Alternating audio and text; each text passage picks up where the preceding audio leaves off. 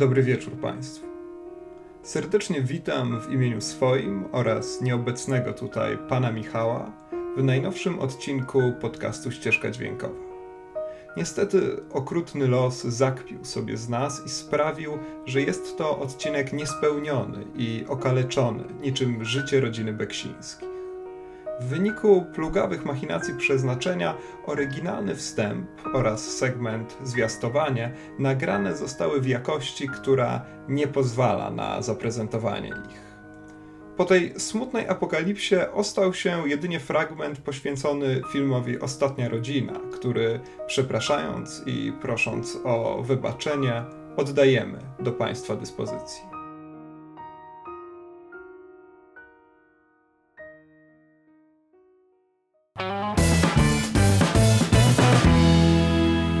To wydanie naszego stałego fragmentu Terra Premiera nagrywamy w porze idealnej, bo mniej więcej w porze audycji Trójka pod Księżycem, co jest niezmiernie znaczące dla tego, o czym będziemy rozmawiać, ale zamiast okropnej muzyki Ultravox będziemy rozmawiać o filmie o człowieku, który wymyślił logo Autosanu. Michał, Ostatnia Rodzina to twój ulubiony film wszechczasów?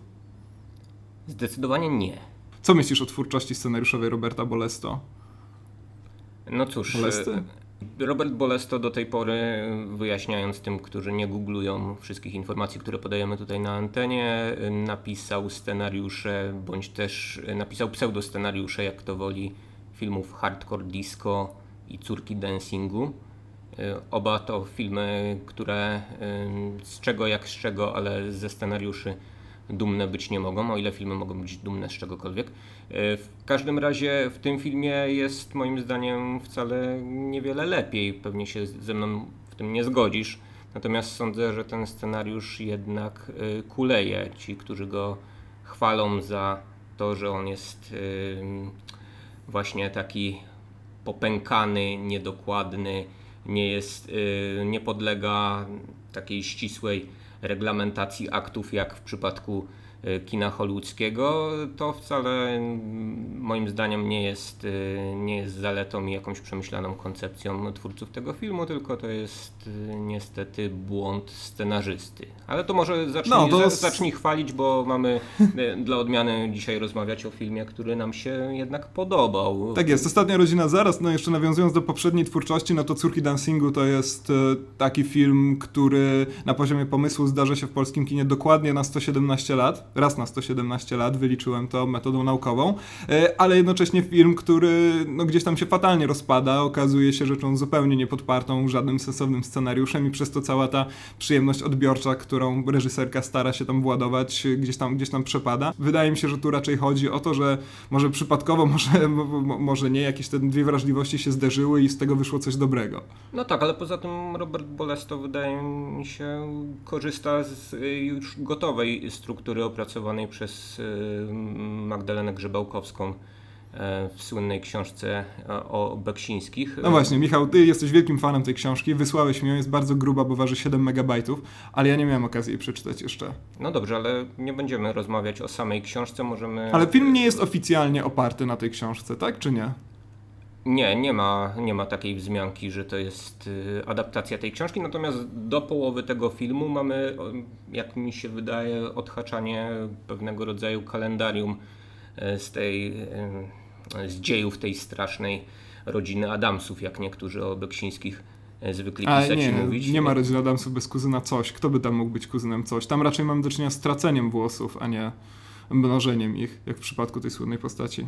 No Andrzej Chyra był dość włochaty w tym filmie, jak na Andrzeja Chyrę rzecz jasna. Ale nie miał kapelusza, ani okularów jak kuzyn coś.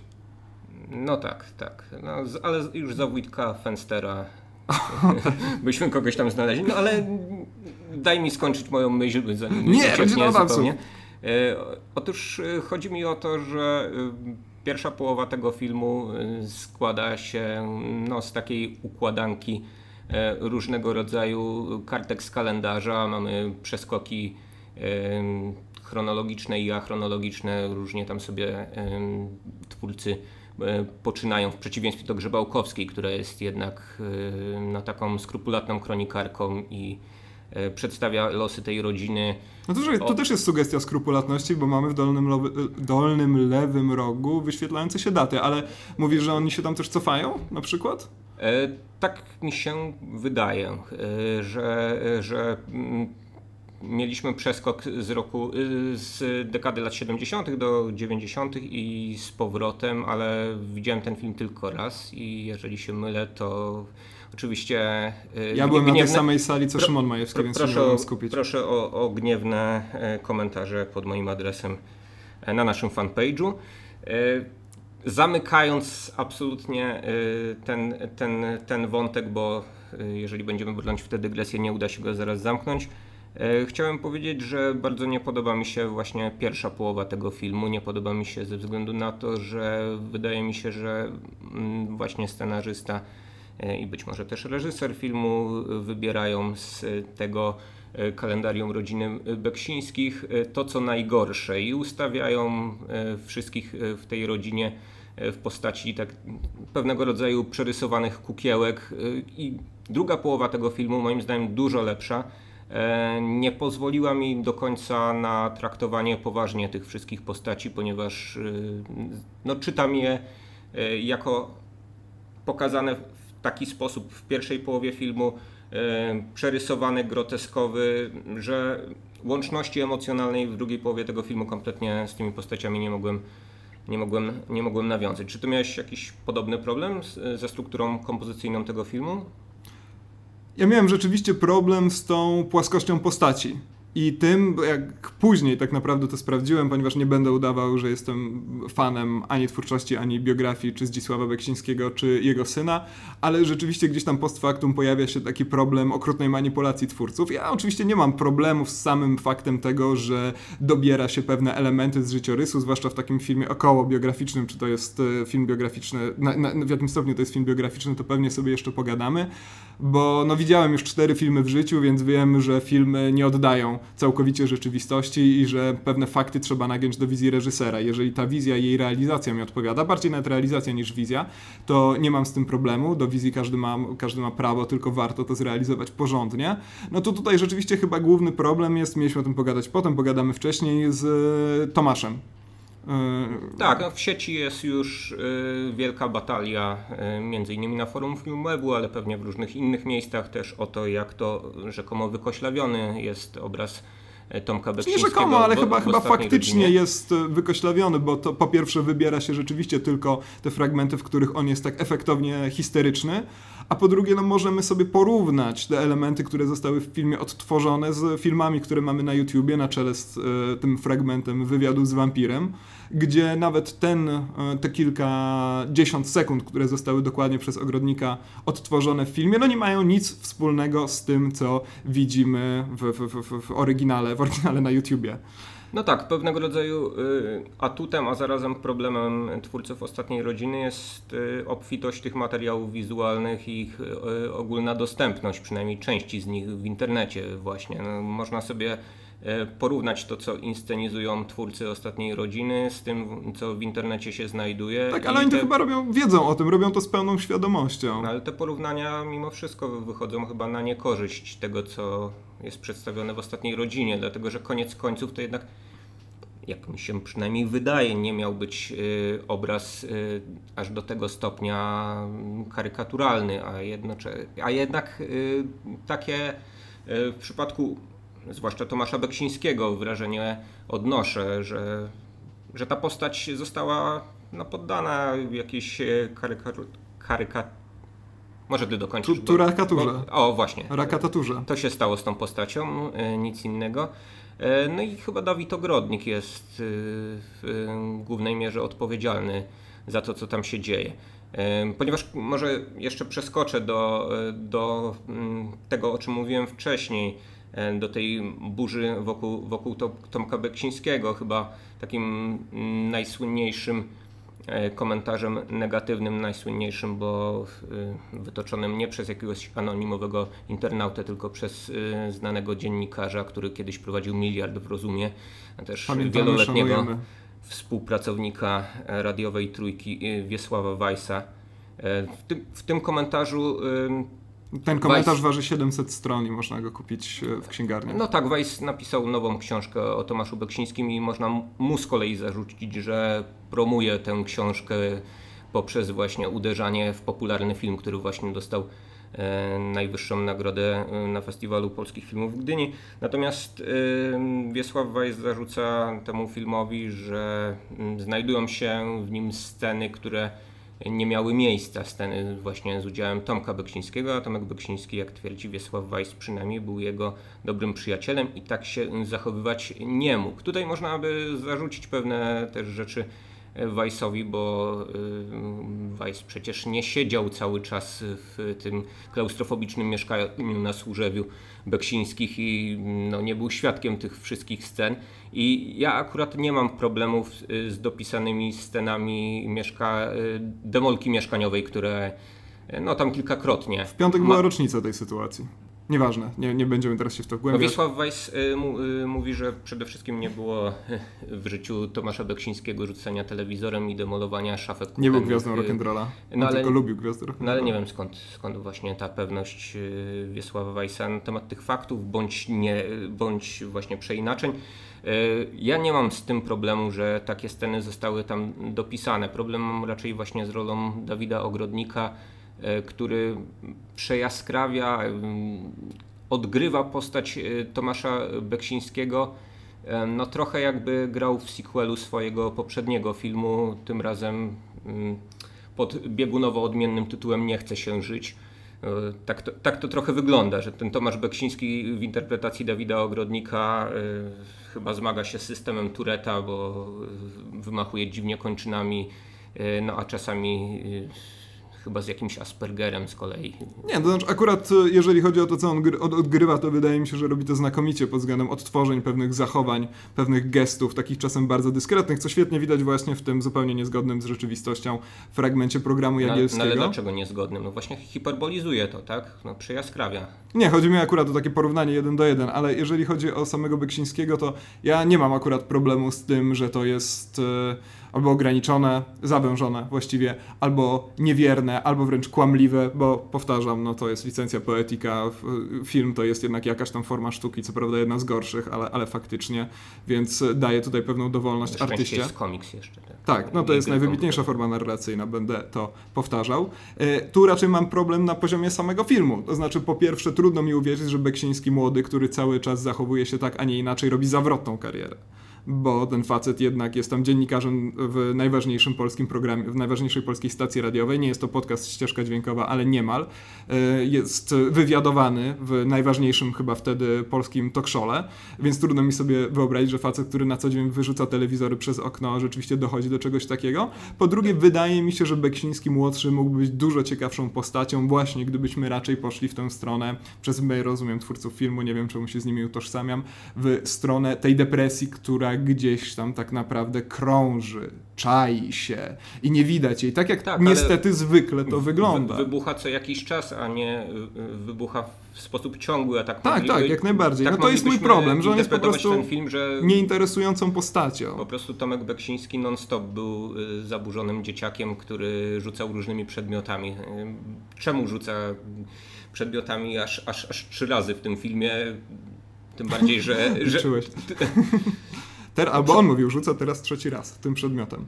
Może to miało być jakoś symboliczne, także po trzykroć rzucił tymi przedmiotami, natomiast yy, tak, no tutaj ten, tutaj właśnie yy, pełna zgoda, jeśli chodzi o te sceny zawodowe, no to mamy kilka ro rodzajów tych scen, mamy sceny z DJ-skiego etapu życia Tomasza Beksińskiego, sceny, gdy on yy, puszcza Bonda. Tak, jest na lektorem takim, na żywo y, na dwa telewizory, tak, tak się kiedyś oglądało, proszę Państwa. Ale tylko e, bondy. bondy, tak, i z czytaną listą na żywo. To znaczy takie, takie rzeczy jeszcze akurat istnieją w Instytucie Sztuk Audiowizualnych, polecamy zajęcia tam.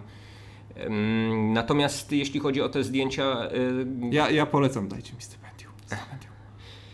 Te sceny, które dotyczą e, radiowej trójki, no to mamy, jeśli dobrze pamiętam, dwie takie sceny. Pierwsza z pierwszego spotkania Tomaszem Beksińskim w radiowej trójce, gdzie on jest kompletnie stremowany i ledwo jest w stanie wydukać to, jak się nazywa. No i scena ze słynnej ostatniej audycji. Gdzie już jest to, kapitalnie ogarnięty.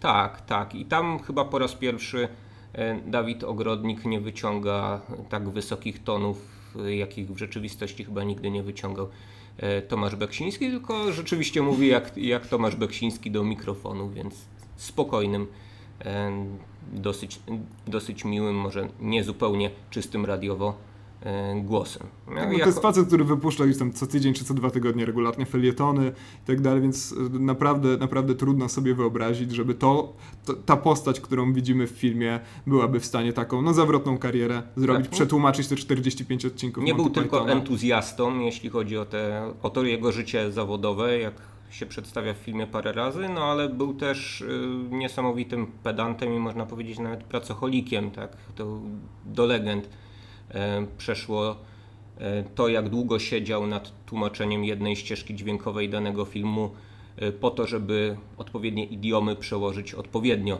na język polski, dzięki czemu mamy kongenialne tłumaczenie Monty Pythona chociażby.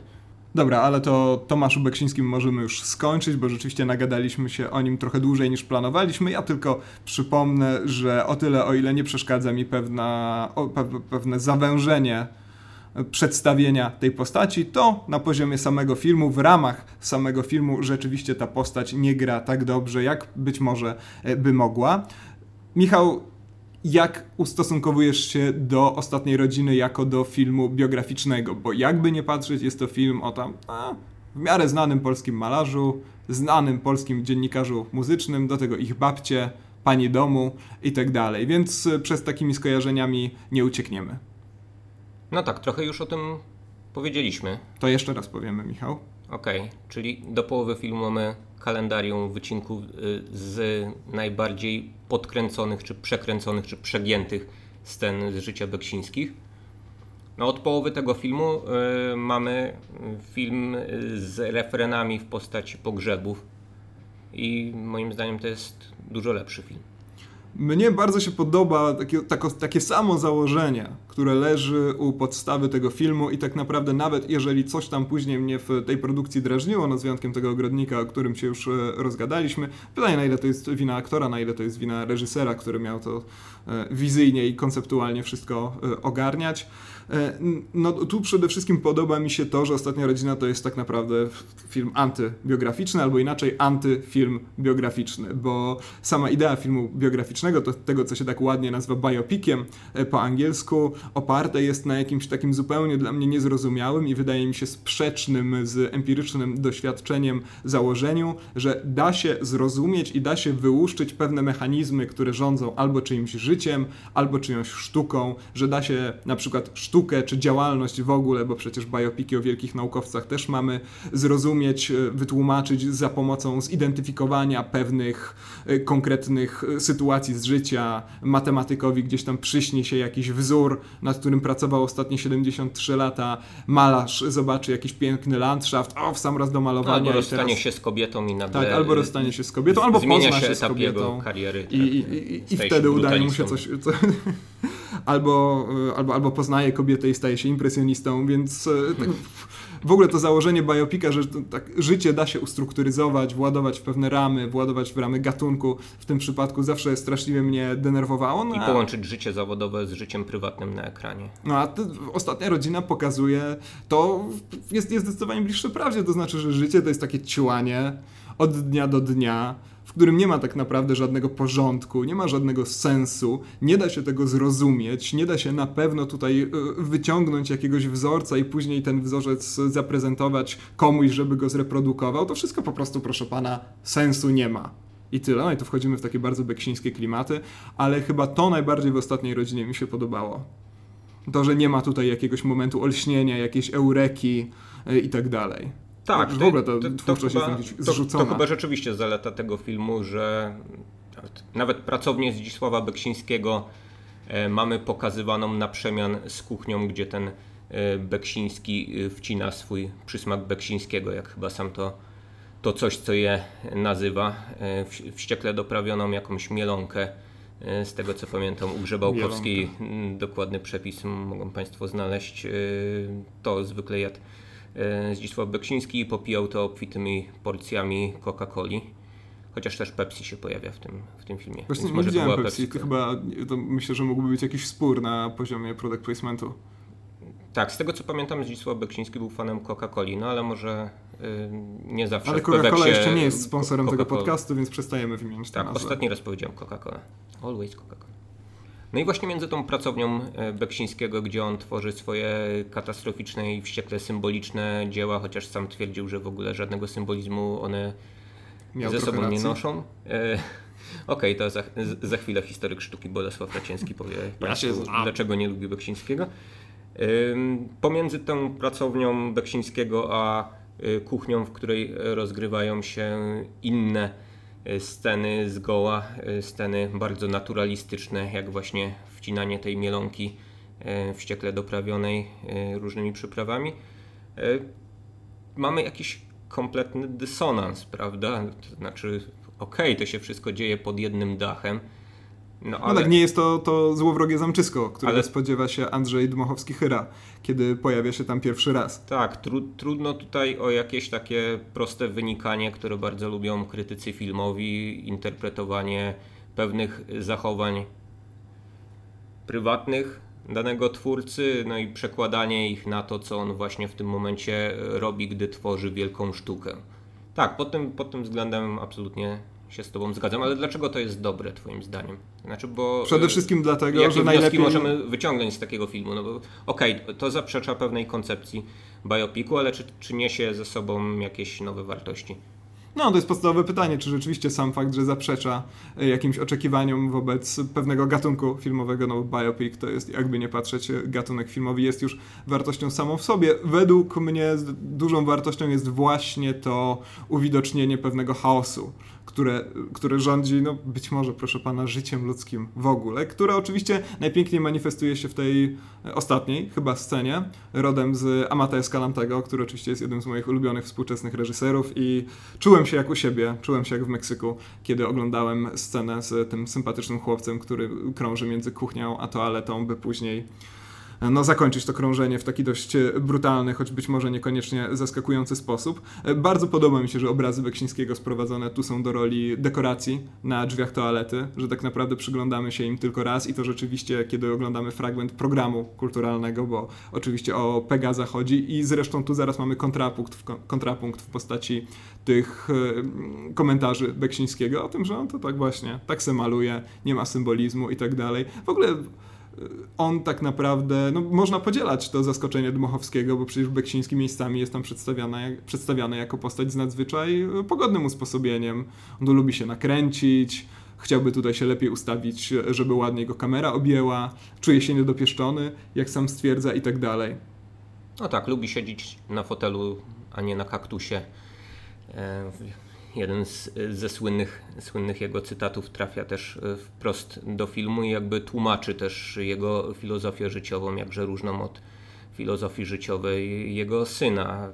Więc nie mamy tutaj do czynienia z sytuacją, w której przez obrazy usiłuje się tłumaczyć życie Beksińskiego. Nie mamy do czynienia z rzeczywiście jakąś, jakąś pogłębioną analizą, z nie daj Boże naśladowaniem tego na poziomie fotografii filmowej i tak dalej. Mhm, Tylko czy, one raczej czy, działają jak jakiś zwiastun. Czy te obrazy w roli dekoracji, jak sam powiedziałeś, jednak nie działają jakoś? No i, no i właśnie, i one funkcjonują tylko rzeczywiście jako to narzędzie do definiowania bohatera za pomocą przestrzeni. I to mi się bardzo podoba, bo tak naprawdę nie mamy się kiedy im przyjrzeć, a jednocześnie sam fakt, że one wiszą na drzwiach od kibla, gdzieś tam odbiera im tego złowrogiego wydźwięku, który towarzyszy im, kiedy powieszone są gdzieś tam w no jakiejś No dobrze, ale moglibyśmy galerii. sobie pomyśleć tak, że to jednak katastrofizm, który przenika całe to mieszkanie Beksińskich, tak? Czyli ten upadek domów Beksińskich jako ulubionego przez e, Tomasza Beksińskiego e, pisarza dokonuje się no, niejako za sprawą tego, że gniją ściany, na których właśnie te obrazy wiszą ponure i posępne. No tak, ale jednocześnie ten taki monumentalny katastrofizm z obrazów Beksińskiego, pełny właśnie takiej dość nadętej, męczącej symboliki, ale który stara się wynieść e, życie ludzkie, czy w ogóle funkcjonowanie świata do jakiegoś niezrozumiałego, głębokiego, eschatologicznego poziomu. Tutaj gdzieś zamknięty jest w tych czterech ścianach i upchnięty gdzieś tam między butelkę Coca-Coli a przesoloną mielonkę. I to, to, to, według mnie gra. No organiczność obrazów Zdzisława Beksińskiego tutaj można powiedzieć, że jest jednak powiązana. Tak, Czy malował mielonkę? To jest interesujące. A, chyba głównie mielonkę. Poło, połowa tych postaci wyglądała rzeczywiście jak jakaś e, wariacja na temat. Druga mielonki. połowa jako ogryzone, ogryzione kości, tak, kurczaka. Nie ma tu też tego, co, o co się bardzo często proszą wręcz biografie znanych jednostek, to znaczy tej próby pokazania życia jakiejś danej społeczności przez pryzmat jednostki.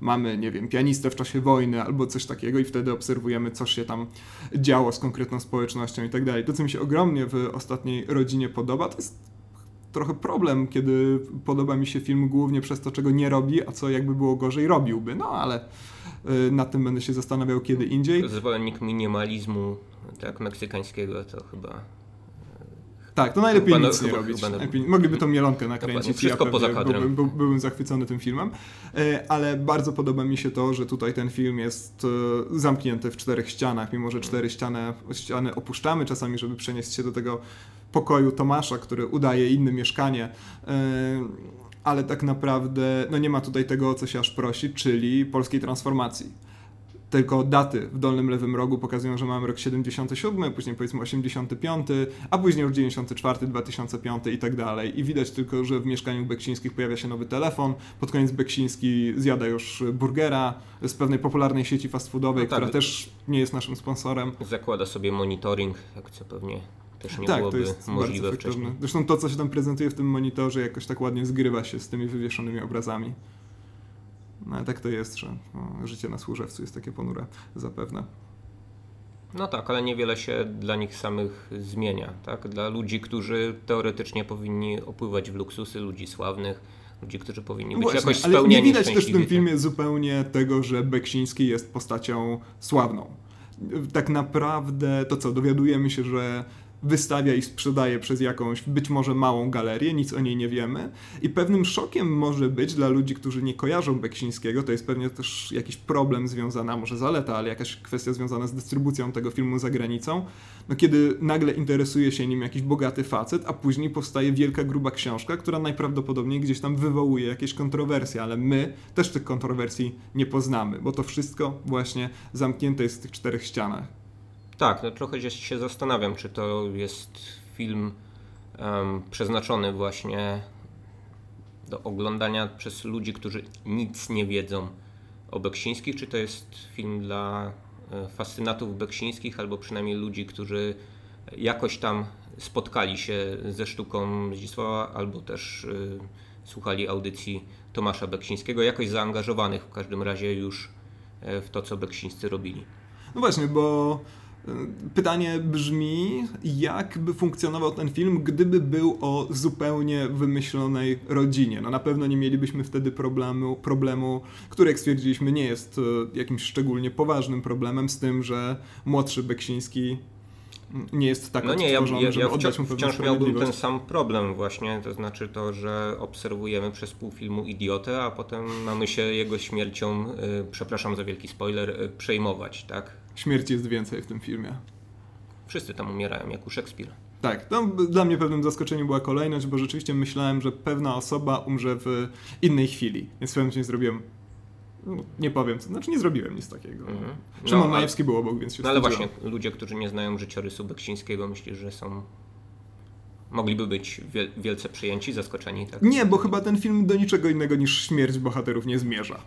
Więc gdyby spodziewali się na przykład wizyty kosmitów, wyprawy na Księżyc, a nagle wszyscy bohaterowie by umarli, gdyby cały film był o tym, że budują rakietę albo usiłują się wystrzelić z wielkiej armaty, a tutaj no, spotyka ich to, co ich spotyka w taki y, zupełnie okrutny, przypadkowy sposób, no to, y, no to tak, to wtedy mogliby być zaskoczeni. Y, ciekawe, jak ten film będzie sprzedawany za granicą. Chodzi mi przede wszystkim o to, jak go ująć w jakąś notkę prasową, czy reklamuje się go jako, będzie się go reklamować jako film o malarzu i używać na przykład jego obrazów, czy będzie, będą dystrybutorzy starali się zachęcić, że to jest taki intrygujący malarz, później rzeczywiście okaże się w filmie, że to nie do końca o to chodzi czy według ciebie Ostatnia Rodzina była lepszym, byłaby lepszym kandydatem do Oscara niż inny film o innym malarzu, czyli Powidoki Wajdy, o których wiemy, że będą walczyć o nominację?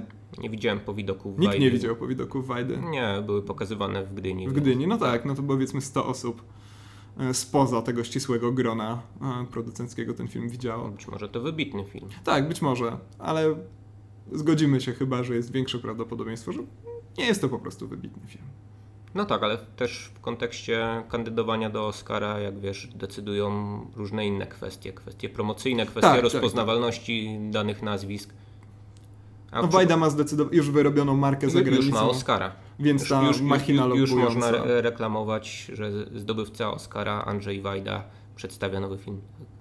Tak, ponoć dlatego Szumowska i reszta ekipy Body Ciało nie chciało nie chciało, nie chciała, e, nie, nie chciała startować po Oscara, no bo nie czuli się przygotowani do tego, żeby tą e, monumentalną machinę marketingową poprowadzić, podczas gdy no Skolimowski, bo to on był tak ostatnio kandydatem, tak. E, już był rozpoznawalną marką. No i, no tak i zna Jacka Nicholsona. Tak.